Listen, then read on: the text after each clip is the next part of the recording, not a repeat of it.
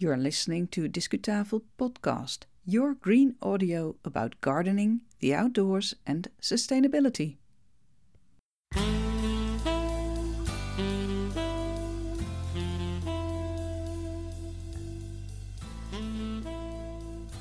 Hello, this is Ivonne Smit speaking to you from the Dutch Discutafel studio. You have reached episode number 156 of our Green podcast, and it has been released on December the 7th, 2023. This is the first of four episodes recorded at Kew Gardens in December 22 and during our total visit, we will stop at five highlights. This time, we also get to know something about Latin plant names we were seeing everywhere in these gardens and in most botanical gardens, as a matter of fact. First, we will use the metro, the tube to Richmond, which is a town in southwest London. Enjoy our Discu coverage.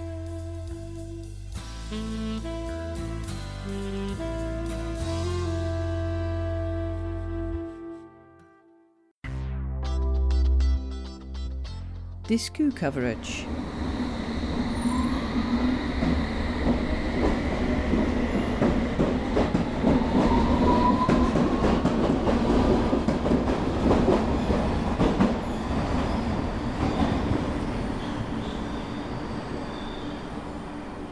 The Royal Botanic Gardens Kew at London is uh, the largest and most diverse collection of living plants in the whole world. It has some key attractions like the Temperate House, the Palm House, the Hive, and the Treetop Walkway.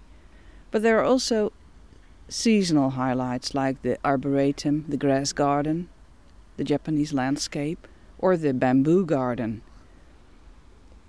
We're here now for a couple of hours, and I don't think we can visit all these parts of these huge gardens, but let's see what we can do for you to give you an impression on this fantastic destination just outside London City, Royal Botanic Gardens in Kew. Come along.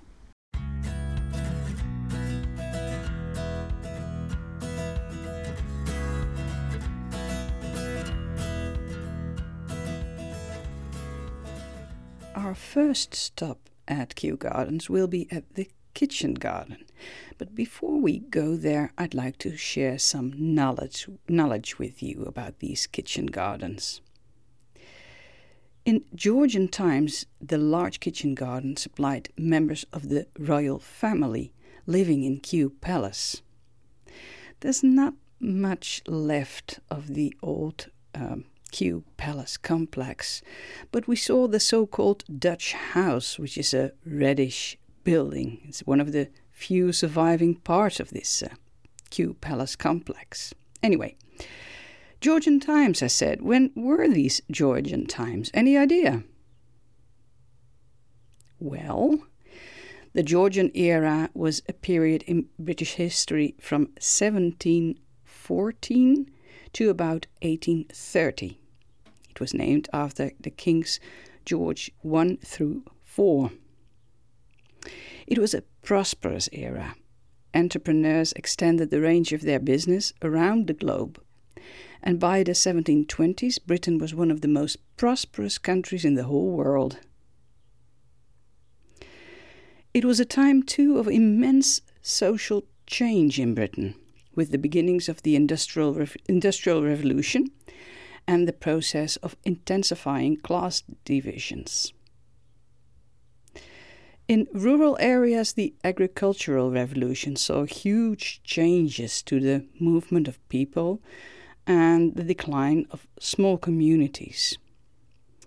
The cities grew, grew and um, we saw the beginnings of an integrated transportation system. So it was during those busy times that the kitchen garden at Kew supplied members of the royal family living there.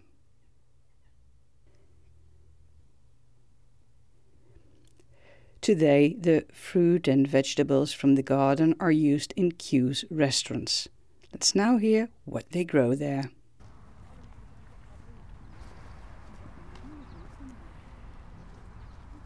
Here at Kew's kitchen garden, they're growing a wide variety of food plants from soft fruit and root vegetables to salads and herbs.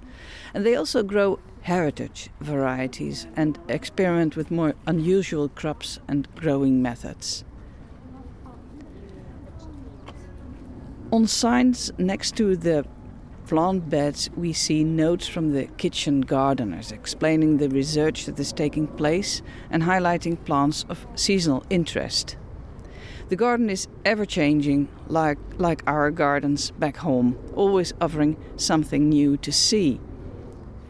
We're visiting Kew in December, and that means that some of the plant beds are rather empty, while the chard is still growing. Uh, we see some uh, salad crops, um, and I also see the leafy crops, I think from afar, if I look at it, I see the noticeable leaves of the, as we call it, New Zealand spinach. I don't know how it's called in English.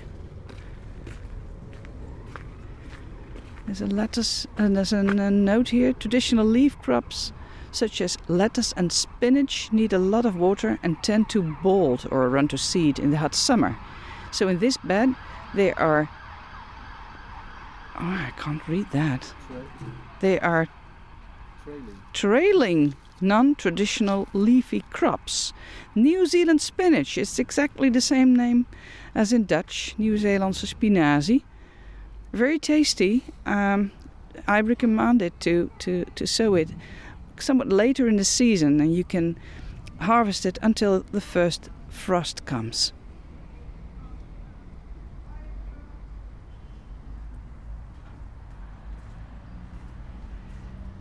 In one of the beds, they have sown some broad beans in autumn, and these peas should not flower or fruit until spring, but due to the warm autumn this year, they are. And the gardeners tell us that they will resow in January. I see also big carrot tree plants, carrot plants.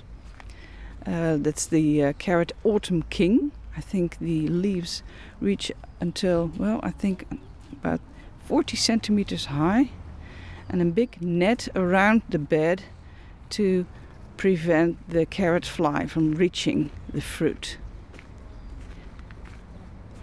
I think they can harvest some tur- turnips as well.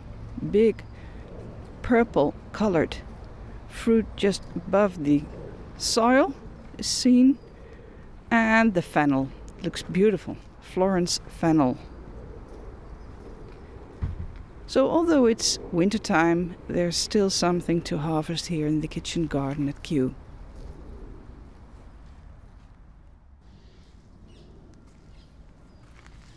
and the kale is almost uh, man high, so to speak.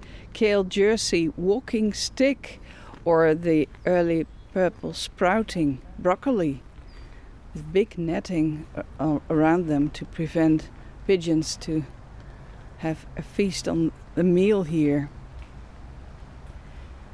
And here around the corner we see a special bed with perennial plants, perennial vegetables and it's uh, wise to plant some of the perennial vegetables in your garden. Uh, perennial means they're in the ground for several years, and this is a sustainable way of growing food because the plants have a large root network and they often make beneficial relationships with soil mycelium, fungi, so to speak.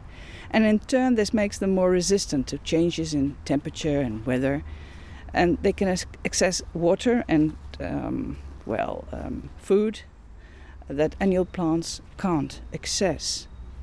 So it's a good idea in terms of sustainable gardening to plant some perennial vegetables in your garden. A few of the examples here are the Egyptian walking onion and the artichokes.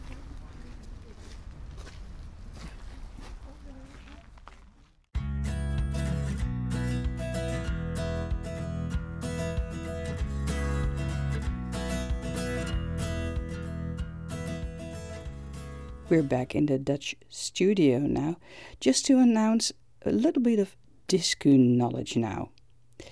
It's about the origin of Latin plant names.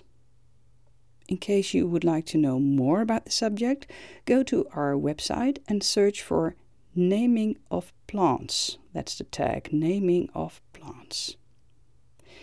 But I go back to myself now, talking to you from Kew Gardens.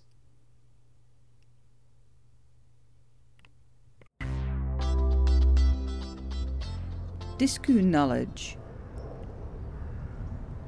Every now and then in Kew Gardens we see a sign explaining something about the plant, the individual plant we're seeing, or about the um, botanist's work. And here we have an interesting sign explaining in just a couple of sentences about the use of Latin plant names.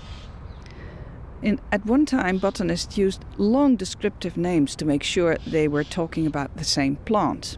It's also, of course, very important to know to be sure that you're talking about the same plant when you're in science.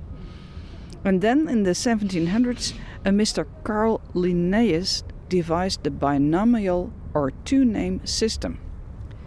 Mr. Linnaeus lived in the 18th century and he was a Swedish botanist. And he is considered the founder of modern taxon- taxonomy. That's the science of classifying and naming things. This two name system um, is based on the principle of the genus and the species. For example, the wild daffodil is named Narcissus, that's the genus, and Pseudonarcissus, which is the species. It's like your surname followed by your first name, such as Darwin Charles. With his system, Mr. Linnaeus gave a plant a unique identity in just two words, and these words also indicate its relationships with other plants. That makes it much easier to communicate with each other and to um, do research on plant life.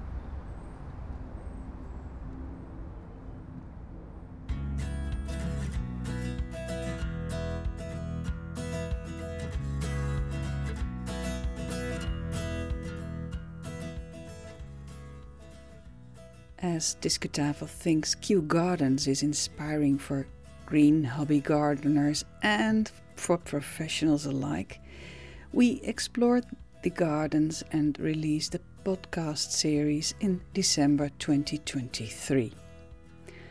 And to accompany these series, we published blogs about Kew Gardens, their history, their importance for now and for the future.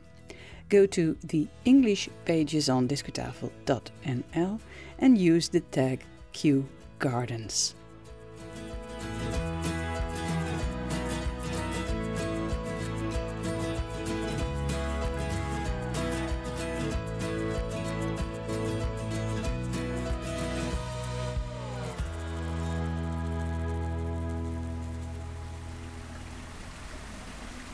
Well, this is the end of part one of our coverage on Kew Gardens in London.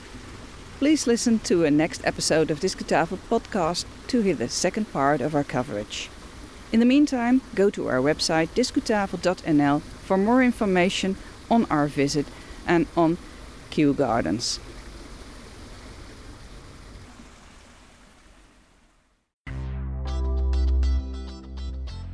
Discu finish. Thanks for listening to Discutafel podcast. If you have any questions or comments, please drop us a line on X or by email. Our contact info is on discutafel.nl. Next time, we will visit the Palm House and the Temperate House at Kew, and we expect to release this episode number 157 on December 14, 2023. In the meantime, let's go outside, and until next time.